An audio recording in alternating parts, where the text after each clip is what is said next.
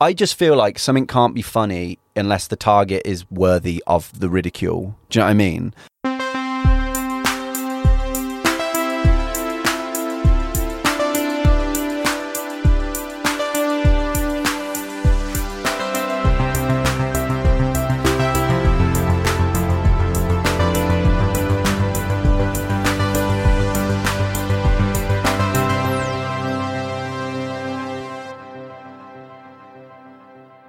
Started about four years ago, and I've done Amazing. 255 uh, expert interviews, Yeah. like entrepreneurs, philosophers, uh, Because I remember we were going to do an interview a while ago, weren't we? Yeah, like we two were, years Yeah, I we were going to do one then, and I, Yeah. I remember I looked into it then. I thought it looked cool, and and they told me it was a big like it's a big podcast, isn't it? It's doing really well. I don't know, but uh, Hey, too modest. That's a problem. maybe uh, in within this crowd, maybe it has uh, struck a chord. The somehow. resonance, yeah. Yeah, I think so. Let's get started. Yeah, Welcome back to Heja Framtiden, the Swedish podcast on the future. My name is Christian von Essen, and I'm sitting here with uh, Oobah Butler. Welcome to the show. Yeah, thanks so much for having me. Uh, we're recording at uh, Sime Leaders Sessions at Epicenter in Stockholm. You are here quite frequently. Why Yeah. do you Why do you think so? I don't know. It's a good question, but as long as they keep on paying me, Yeah. I'll keep on cr- crawling back. um, oh, I don't know really. I spend a lot of time not only in Sweden but in Scandinavia. I don't know. I, I think there must be something to do with the temperament of the work, which tunes into. I mean, I think generally, definitely in Sweden, people are quite open and more open within what are traditionally quite old-fashioned industries. Old-fashioned, like in a lot of countries, like the US, for example, corp- corporate culture is so dominant that you know Hmm. they are very protective against someone like me. Um, whereas here, I feel like there's a business culture, but maybe it's a bit more open and a bit more of a sense of humor. Yeah, I- I, think they. yeah. I think they like the disruption thing about what you do. Yeah, you would be better to answer that. Why do you think they keep on bringing me? Why do they? Keep... I mean, I, I think they like the idea that you can just um, do new stuff in a Mm. in a very uh, uh, disruptive and sometimes provocative way. I think they love this here. at Epicenter. Um, and just to uh, to briefly summarize what you have been doing, uh, you're mostly famous for sort of um, I don't know what you call it, but uh, it's not really pranks. It's uh, it's more elaborate than that. But uh, how to become TripAdvisor's number one fake restaurant is uh, one of the most hits. Uh, one of the hits. How to crash Paris Fashion Week, uh, and also I sent fakes of myself to be on TV around the world. Yep. also, like sending an attractive lookalike to my high school reunion. well, that's a That's brilliant. Yeah, that was one that that's been out. That's a pandemic film, I think. So that's been since the world has been crazy. So that I'll be, I'll be talking a bit about that today, which is good Okay. fun. Contextualizing it, I feel a little bit. Um, I love that film. I'm really proud of it. It's different to my other films. It's got a real heart to it. Are you working for Vice as a freelancer, or are you Yeah. employed? I have been for the past. That's that's my relationship with Vice is a freelance, you know, kind of relationship. I but I often will finish projects and then bring them to Vice in a position where I need the help to either get the need finance to get something over the line, or Yeah. need help creatively sometimes potentially, or legally. I'm in a bit of a difficult spot, and now it's a good time to bring them on board. But yeah, no, my relationship with Vice is just very much we want to work with one another, uh, so we decide to, rather than there's no formal. I have friends at the company. It feels tonally a good a good fit, Hmm. um, and that's the way it's been for a long time. You know, no one had a clue who I was before I started doing stuff with them, um, and then I got incredibly lucky, and then it, it, it um, we have that relationship, and uh, obviously I now present Catfish on MTV in the UK, Catfish UK, which is goes out in Sweden and across the Nordics, um, starting in America in January and Canada and things like that. Okay. Um, so I've, you know, a few different companies which I tend to work, like MTV and Vice are both in that bracket, but the most for the for the mm, the bigger projects, the ones that people would know me for are Vice projects, Hmm. probably. Yeah. Yeah. So, but can you capitalize on the Vice projects? I mean, now you're obviously doing lectures and uh, yeah, yeah, yeah. you write stuff. Yeah, absolutely, man. I mean, the thing is, is look, the having a platform for one, and I mean, Vice is still no matter where the company goes and what it does, no matter how it changes its strategy so much, all that sort of stuff, it still is a global community of young people who are into interesting things. And um, so my audience is that. And I, I've been, you know, some released some of their most successful ever documentaries. Yeah. So that in itself, giving yourself a platform, why I'm even sat here in, in, in Stockholm, um, is because of my connection with that company and the platform. But in terms of direct monetization, I don't own the tapes. They own the tapes, but I own the intellectual property. So I own the IP behind my projects. Um, but I think at some point you have to stand up and and think um, the common ground between these projects is the fact that I've managed to come up with them, and I'm I am the common ground. Mm. So you have to kind of back yourself. But I'm protected legally in a way that I have the IP. But if I wanted to go and, for example, develop any anything based on these projects, I would be able to. However, if you know, I couldn't take the, the films themselves and Yeah. sell them to a distributor. I could. We could. I'd have to do it with Vice, but you know. It's kind of funny because I, I actually started as uh, an intern on Oh, Vice, uh, Vice Scandinavia when they In, when is they that the office here or is it in Copenhagen? No, here. Uh, they, they used to be here at least. Yeah. Maybe now in Copenhagen. Yeah, I think they're in Copenhagen. Uh, so yeah, a couple of people starting. They took the concept here in 2004, five something. oh right, wow. So I was sort of uh, doing an internship, helping them out with the the release party and Cool. stuff like that. At the same time, I was writing uh, an academic paper in media and communication studies Oh wow. Uh, on the brand Vice. So I could have like No focus groups in their office, like gathering readers and Mm. asking them like, "What do you like? Uh, why do you That's think this is so? Why do you think this brand is so interesting to you?" Yeah. I also What- interviewed. I, I I met with Gavin McInnes and Wow. uh, um, he's got he's gone in a strange direction, hasn't he, Gavin McInnes? yeah, I don't know what happened there, but uh, yeah. Interesting bunch of guys, all gone in very strange directions. very much so. But yeah, uh, That's a interesting. Fascinating company, Yeah. nonetheless. Definitely. And also, I like that it comes from the the punk and hardcore and um, Mm. the fanzine culture in Canada, and then sort of spread that across across the globe. Definitely. It's like, yeah, as I said to you earlier, like for some reason it feels like that brand is still like people have this kind of they're drawn to it. Like I think that Paris could become the shittiest city in, on earth, and we would all still go there in the in the autumn Yeah. because because it represents such a big thing within our minds. Yeah, It, it, and like on a very smaller degree, I think Vice will always have young people who are drawn to it, no matter what state it's in, Hmm. because of the nature of just how compelling what is the idea of it is. Do you understand what I mean? Hmm. yeah. I mean, you would know probably know way more because you you wrote a paper on it, the brand itself. Yeah, that was uh, 15 years ago, so uh, I have to dust it off. Do you think much has changed with that company? Well, now it's more of a global agency, more or less, Yeah. right? Yeah. Um, but I hope they have kept the same sort of core and vibe. I don't know. I, I don't see the magazine anymore. I don't know how much Yeah. they publish uh, on if they publish Yeah, if they publish print a very rarely, magazine. don't they? I can't. I, I mean, I've never done anything with the magazine. All my stuff was digital. Yeah. All of my stuff. Yeah. So uh, how can you can we summarize those uh, videos or films that you've done for Vice? It seems like you you sort of find a loophole in in the contemporary society and you poke a finger through it and sort of see what Yeah. happens. I mean, that's a good. Yeah, it's a good way of putting it. It's. I, I, I guess it's like finding flaws within things, and it's also it's a combination of things. It's like wish fulfillment. Can I make the garden shed I live in the number one rated restaurant on TripAdvisor in London? Hmm.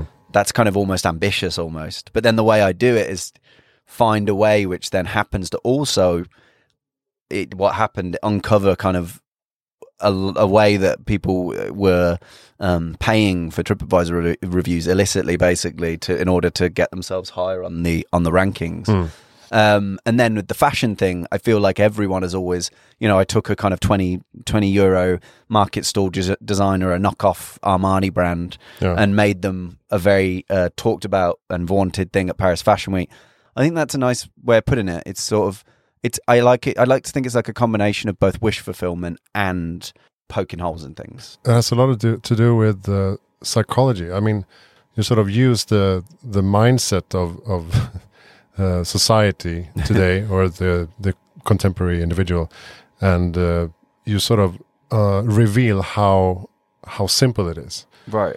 Like once you get people talking about this restaurant that doesn't even exist, people start calling to make reservations, even though there's no proof that anyone has been there. Yeah, it's true.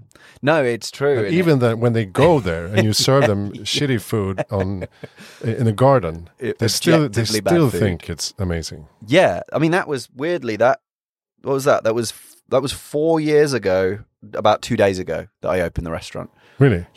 And then the film came out three and a half. It took about a few Yeah. months to do.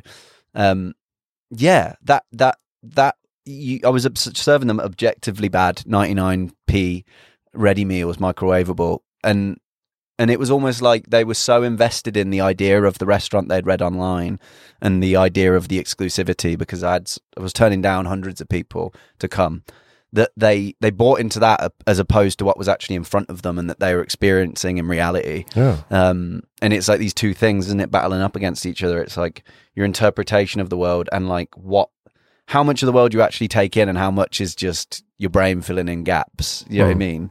It's so much of the work feels like it's done online now. Like how attached are people to the experiences they're actually having? Mm. How often? I don't know. It sounds so trite and stupid, but like I'm trying to think how often I. I, I've just got to Stockholm this morning. I, I've walked through a few set through the centre and stuff. I've mainly still been looking at my phone every like thirty seconds. So Mm. how much am I actually engaging with my environment? I don't know. I mean, it's kind of boring to just say, "Oh, phones make it so that you know what I mean." But like, it's kind of true. I mean, I've even got a podcast in my ear. Like, so Yeah. I'm. It, how much am I engaging with my environment? I don't know. How much am I engaging with the world? I don't know. Many comedians now complain that it's difficult to joke about things, that it's getting more politically correct and stuff Right. like that, wokeness. Do you find that to be true even in, in your profession as well? Is it a finer balance? No, I, I to be honest, I will say that I appreciate those things. I find them as I see them as a helpful guide. You know, as someone. I mean, I'm from a quite a working class family, but you know, as someone who ha- is has been born with a level of privilege, I find them as a good um as a good guide because I I, I think that sometimes I do like sometimes I need. I just feel like something can't be funny unless the target is worthy of the ridicule. Do you know what I hmm. mean? Yeah. So, say for example, if it's a system, if it's a if it's TripAdvisor, a, the world's biggest travel platform, but it's kind of bullshit, then it's it's good. That's a good target for me. Yeah. If it was, you know, Amazon, the company, perfect target. They deserve it. Like, whereas it's like if it's someone who, I feel like those like kind of like that that kind of conscientiousness for me it feels like a good guideline because i'm like if for me something's not funny if it's punching downwards Yeah. it should always be challenging like I, I i'm very much like i'm i like the underdogs like i don't like to punch down so like i understand that that's something that comedians complain about a lot now and i just find it a little bit I just feel like tell a better joke. Like, what, and I don't think that the jokes are funny if it's at the expense of someone who. This is the problem that I have with. I mean, this is going way off topic now, but with like Chappelle and the trans thing, it's like Yeah. I'm like, do they really? Are they, is it funny? I mean, at like the expense of a community which is massively, like you know, we prove the stats prove it. Like they're in danger, like they're a dan- in, like a dangered community. They are Yeah. at risk. Is it really? Wor- is it funny at that point? I mean, Chappelle is obviously brilliant, but is it at that? I don't know. Maybe Is it maybe this is is gone it necessary? Yeah, it's almost like To go but, there. But even just on their rules, right? If their thing is like we just want to be able to joke about things, that's our job. We're comedians. Cool. Is it funny when the joke is at the expense of someone who doesn't deserve it? Hmm. And I'm asking that question. To me, in my worldview, it's not. But maybe they would say, no, we want to be able to joke about absolutely everything and whatever. And I was like, well, if you're going to do that, then make sure it's funny. And then come back to my question: Can it be funny if it's Hmm. at the expense of, like, it'd be like making jokes about refugees? Like, that's not funny. Like, I don't think there is a funny refugee joke, in my opinion. No. But I've got a certain set of worldviews, so do you know what I mean? I've probably said too much. So, so what are you working on at the moment? Um, well, I put out a book. I put out a book a while back, which was got a number one bestseller in the in the states. I got in L.A. Times and USA Today, which was good fun. Um, I'm really working on a feature feature documentary, which should hopefully be out soon. Which I've made with some exciting people in the US. Um, a couple of new projects. Uh, I can't go into details, but good, exciting, exciting, strange uh, topics. And um, what else? Yeah, I've got a short. I've got a short digital film as well, which is is good. I just need to find the right home for it. Okay. Yeah, good time. yeah, and, and the book is called "How to Bullshit Your Way to Number One." That's right. Could be yours for five dollars. Perfect. I mean, this is a podcast about the future. So, what, what Yeah. is your general view of the future? Are you um, in your work? You see so much stupidity. Yeah. Are you are you frightened that the stupidity will uh, sort of be the end of us, or do you see more positive? Um, Golden skies. What's I mean, that's caught me off guard. Um, I feel like all the things that I do, I like to have. They, they come from like observations. You know what I mean? It's like I always feel like it's nice to have things. I would never do something that wasn't going on in the world anyway. So I feel like I'm not going to be out of- of a job anytime soon. It feels like there's a lot of very stupid shit happening. Yeah. Um, I don't know. I feel I, I oscillate between being deeply cynical and then deeply kind of optimistic about things. I I don't know really. We're in a transitional period, aren't we? Hmm. And it's like seeing whether people can adjust to what the internet and what it has done to the world and what and what you know how people are going to interact with reality. Like what, like a like for example, it, it does it does feel like when you don't know whether headlines are jokes or whether they're there's like everything is an onion headline Yeah, now. definitely. I'm excited at the idea that more and more people seem to be making things, and it seems like it's easier, more democratized for people to go out there and make things. I would like to see Elon Musk lose his money. So if there's a way that I can help with that, that would be fun. seems like a, he seems like a good target. Yeah, probably. Um, what else? I don't know. It's a balance, isn't it? I feel like it's. I feel like good stuff is being made, and I'm happy about that. And it feels like people are actually. It feels like more younger people are making more interesting things and being given a voice. But then equally, it's like there's so many dipshits as well. So I and I, I am a dipshit, so I won't be out of a job soon, hopefully. But I Uh, don't know. It's difficult. Let's phrase it like this. I usually ask my guests, uh, what is your best tip for making the world a better place in the future? Ah. I mean, to make a world a better place is like a, it's like it's its own thing. But I guess that I would talk to what I kind of know, and that would be like, I think that if you're going to do something, make sure it's impactful, and make sure that it, it condense the message, and make sure that it says something super clear about what you want to say, and um about what you know you want to communicate with the world. Whether that's even a forming a making an Instagram account or that Yeah. that does memes or a business. I'd just say it would be I, I want to see more and more people doing things with intentionality, making sure they're impactful, condensing their idea, making sure it's great, and then just jumping on with it and being enthusiastic and not fearful. Because look, if we look at it one, the world from one perspective, we're all going to be dead in about 50 years. That's one perspective. Or it's we live in the moment now and you can, you know, I feel like there's no better time to, I mean, I was a loser and then all of a sudden I did a thing and was very lucky. And I, I just feel like one idea can change your life. So what are you waiting for? Yeah, follow the passion and your dream. Yeah. And try and condense it into a language in which people can easily communicate about it. That would be my, be my, my take. Do you have a book tip or a podcast tip? Yes, definitely. There's a podcast called Heavyweight, which is on Gimlet. You can get it on Spotify or Okay. Apple Podcasts. An amazing podcast, which is about. Uh, it's a guy called Jonathan Goldstein, who's a uh, This American Life kind of used to do a lot with them, an NPR podcast, and he goes back and he goes back to he someone ha- has an experience in their life where they it's a moment in their life they can't get out of their minds. We all have it. Um, you know, at school, someone punch you in the nose, or um, you know, that girlfriend you still can't get out of your thing, you know, whatever. There's a transformative moment in people's lives that Hmm. people find it hard to get over.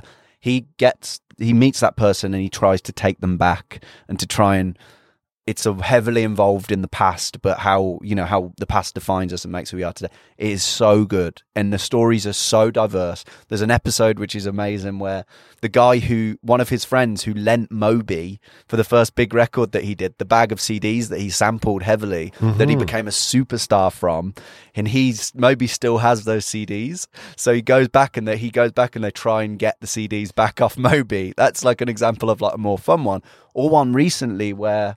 I mean, there was a his mother-in-law who met this girl on a on a on a family vacation 50 years ago, hmm. and that and she, you know they were like best pals on this. They were 17, 18. They went to come to Denmark from the US, and she met this person. She's not met, she's not heard anything of her since a holiday friend. And it turns out that this holiday friend went on and murdered her own mother. And it's like they end up going back, and it ends up being this two part podcast where they unpick all of that. I mean, I've kind of killed the first twist in it, but it but it's like this. There is so much span like span on this podcast. I would Yeah. fully recommend anyone to pick it up. Interesting. It's like a sliding doors moment all yes, the time. one hundred percent. That's it. And it's also about mindset. I mean, do you view this this point in time, this transformation, as something deeply beneficial or something that destroyed your life?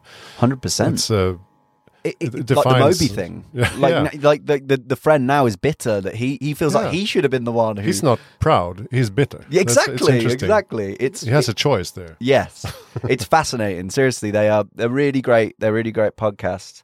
Yeah, I, I- that would be one that I would fully recommend. Great. Who do you think I should interview? Who do you, who do I think you should interview? Yeah. Hmm. but who's here or just in general? No, in, in general. Um, wow. Who should you interview? I always think that. Um, I mean, it's such a big interview, but I always think that um, that Tyler the Creator seems like an interesting guy. I think he seems like a like a real uh, everything that he does. He's do, he does with such intention, but he's so he's such an obvious person to say. No one has mentioned him before, so Right? Yeah. no, I just think every album has a really conci- like a clear thought behind it, clear image, and he seems like he. Um, maybe I should add that he's a rapper.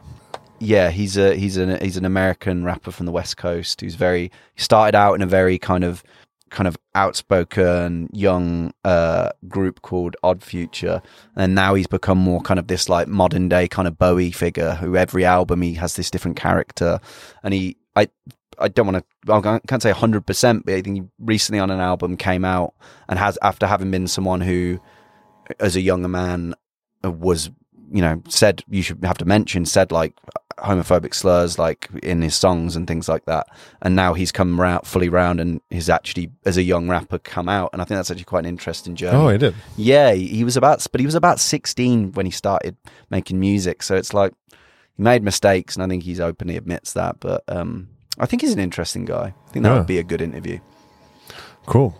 And you're about to go on stage, so we're going to let you go. Thank you Thank you so much. yeah cheers Butler. for finally getting me uh, we finally made it happen yeah. Uh, Oobah with two O's uh, Yep. and an H. OobahButler.com. You can find more information about uh, the films and the book and, uh, and all the stuff that you do. And uh, you're on Instagram, right? Yep. Instagram tiktok facebook uh, no youtube yet still figuring that out Okay. Uh, yeah, but the, the, the films are on YouTube. Yeah, the films are on YouTube on Vice and uh, MTV uh, Sweden or has Catfish on it, Catfish UK. Cool. Thank you so much for joining the podcast. Um, thank you. Hejaframtiden.se is uh, where you can find all information about my previous episodes and my lectures and books and stuff that I do. Uh, my name is Christian von Essen. We're recording from Epicenter at Sime Leader Sessions in Stockholm. Thank you for listening.